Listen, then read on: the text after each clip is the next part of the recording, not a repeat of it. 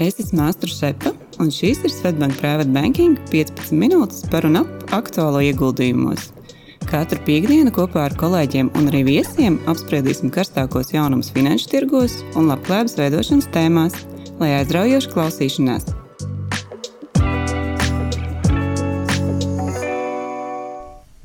Esiet sveicināti podkāstu kārtējā epizodē. Šodien es, Mārtiņš, esmu kopā ar vecāko privātu banķieru Ventu Riņķi. Čau, Vent! Čau, Mārtiņ! Šodien mēs parunāsim par finanšu rezultātiem septembrī. Tātad septembris ir noslēdzies, oktobris ir nedaudz iesācies, bet eh, kā jau iepriekšējā epizodē mēs pieskārāmies, kad mēs runājam par rezultātiem, tad septembris vēsturiski vienmēr ir bijis tāds varbūt negatīvs mēnesis.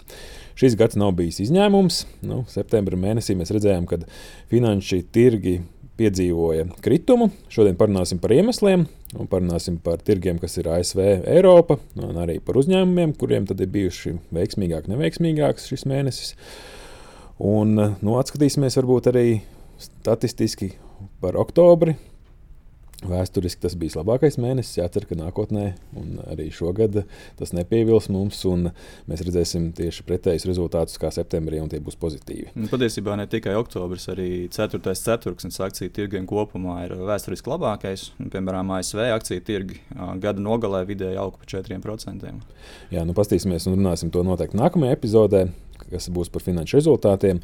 Bet kas tad noticies septembrī, kas virzīja tirgu? Nu, ja skatās tādus lielos virzītājus, tad eh, pēc būtības tās bažas radīja divi.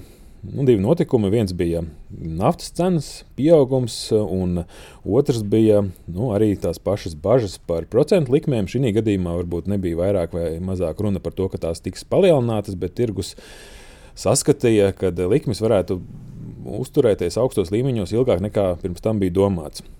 Ja atgriežamies pie naftas cenu, tad, tad septembrī mēnesī Saudārābija paziņoja, ka samazina savas naftas ieguves nu, pa vienu miljonu barelu dienā. Un arī Krievija paziņoja, ka samazina līdz gada beigām ieguvu pa 300 tūkstošu bareliem dienā. Tas radīja, protams, nu, mazāku piedāvājumu tirgu un arī palielināja cenus. Cenu pēdējā ceturksnī tā ir pieaugusi kaut kur par 20 ASV dolāriem. Nu, un šis automātiski arī liecina par to, ka iespējams arī inflācija nebūs nu, nesamazināsies tik strauji, kā bija gaidīts. Un kopumā tad, šie divi faktori arī lika tirgumu nosvērsties, nosvērties uz to, ka iespējams likmes būs augstākas ilgāku periodu. Uh, Nu jā, bet eh, runājot nu, teiksim, par naftu, ir laba zīme. Vakardien, burtiski dienas laikā, cenas nokritās par 6%. Nu, jau kopumā tirgu atgriezās tādas tā bažas, ka šis pieprasījums varētu nebūt tik stabils nākotnē. Kā, nu, jāskatās, kāda tā dinamika būs uz priekšu. Nu, jā, par naftu runājot, protams, tas ir tas faktors, kur ir. Uh, arī tā ieguva visticamāk iespējams tiks pamainīta, balstoties uz tām prognozēm, uz to, kas notiek tirgu. Jo šī gadījumā, ja skatās, kāpēc tā cena arī viņi atļaujās palielināt, nu, teiksim, tā, samazināt to ieguvumu, lai cena pieauga. Jo pēc būtības ASV ekonomika ir jūtās diezgan labi. Arī pēc Covid ir atvērties tirgus, gan mēs ceļojam daudz, un tas pieprasījums ir spēcīgs. Līdz ar to nu, tāds varbūt izmēģinājuma gājiens ar iegūstu samazinājumu tika īstenots, bet nu, pozitīvi, protams, kad oktobra sākumā mēs redzam arī, ka ir bažas un tā naftas cena dēļ tām samazinās. Jā, tāds, tāds, tāds, tās jaunākās prognozes jau ir nokritušās no 100 dolāriem kaut kur uz 86 gada beigām. Nu, jā, tiešām tie ceļojumi, laikam, tas pīķis ir garām, tā kā kaut kur patēriņš varētu krist. Nu jā, un inflācijas, protams, dati arī un gaidas ir diezgan pozitīvs, vismaz mazinās esošā inflācija.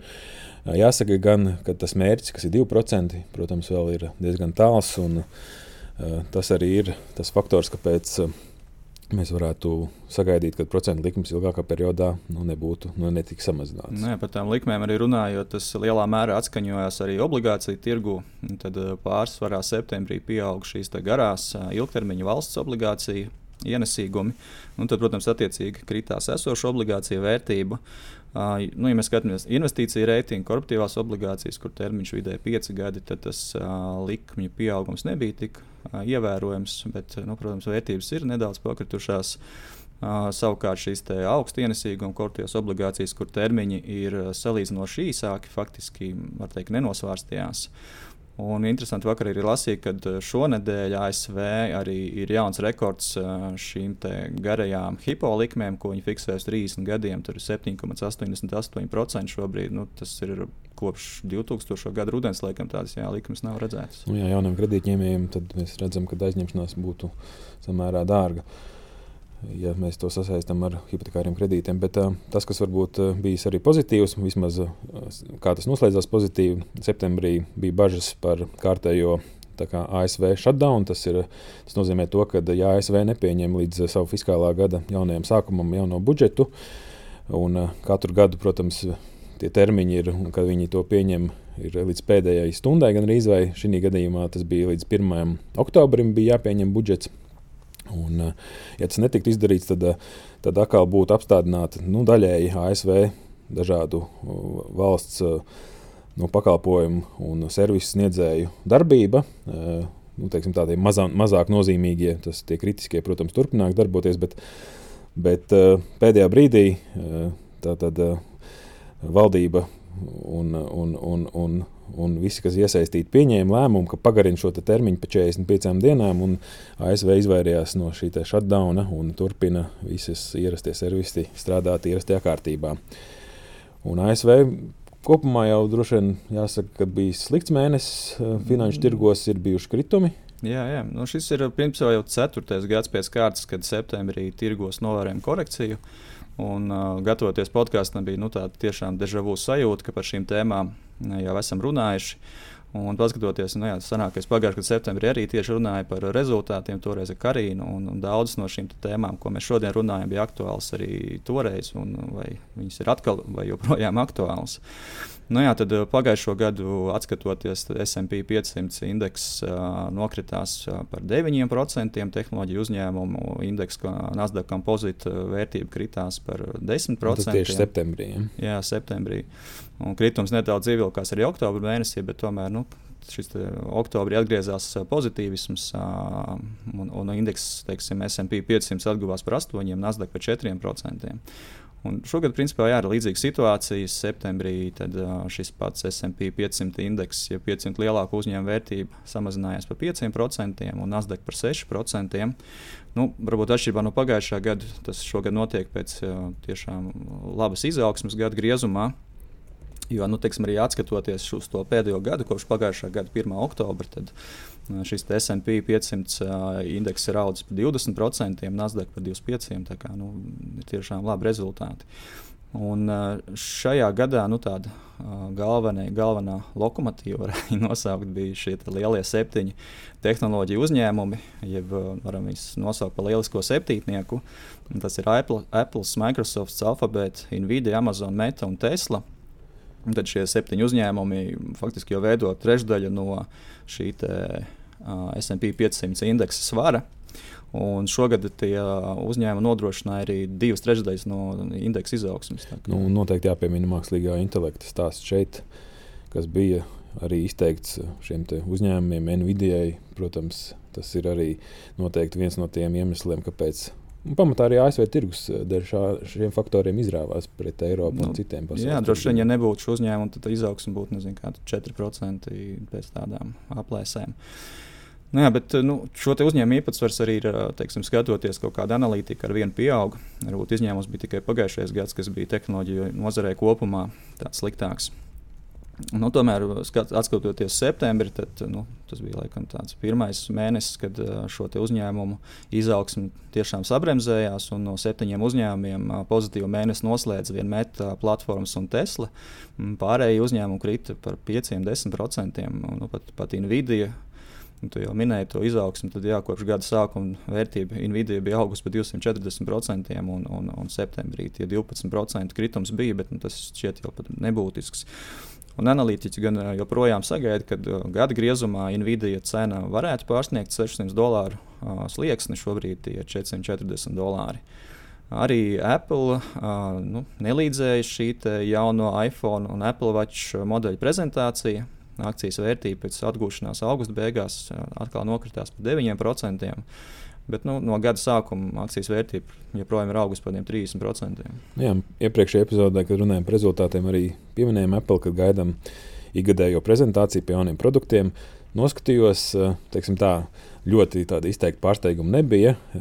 Protams, izskatu ziņā viss ļoti līdzīgi, arī nekāda sensacionāla paziņojuma nebija. Nu, protams, ir jaudīgāki procesori, bet interesanti, kas varbūt bija nu, tāds jau diezgan raksturīgs daudzām tādām lielām kompānijām un prezentācijām, ka liela daļa laika tika veltīta ilgspējīgiem risinājumiem, ko viņi izmanto savā ražošanā, kā elektrību iegūst. Un, no nu, acīm redzot, jā, šīm lielām kompānijām tas ļoti, ļoti svarīgi, un tas mūsu ikdienā ienāks aizvien vairāk un vairāk šādi faktori, kad mēs redzēsim, ka nozīmīga daļa no nu, tā, to, ko kompānijas prezentē par sevi, ir tieši šis ilgspējas jautājums un kā viņi to risina. Nē, bet tad atgriežoties arī par ASV un nozarēm, tad eh, septembrī mēnesī tā akcija tirgos stabilāka bija veselības aprūpas nozare. Nu, šī nozare parasti ir tāda um, patvērums kaut kādos nenoteiktības apstākļos. Arī finanšu sektors un komunikācija pakalpojumi lielā mērā pateicoties meta platformas jutās labāk. Nu, savukārt enerģētikas nozare uzrāda izaugsmu pateicoties šim energoresursu cenu pieaugumam. Um, saistībā citu, ar meta platformu šonadēļ izskanēja informācija, ka Eiropas lietotājiem varētu tikt piedāvāta maksas Facebook un Instagram versija bez reklāmām. Pat maksa varētu sasniegt 13 eiro mēnesī.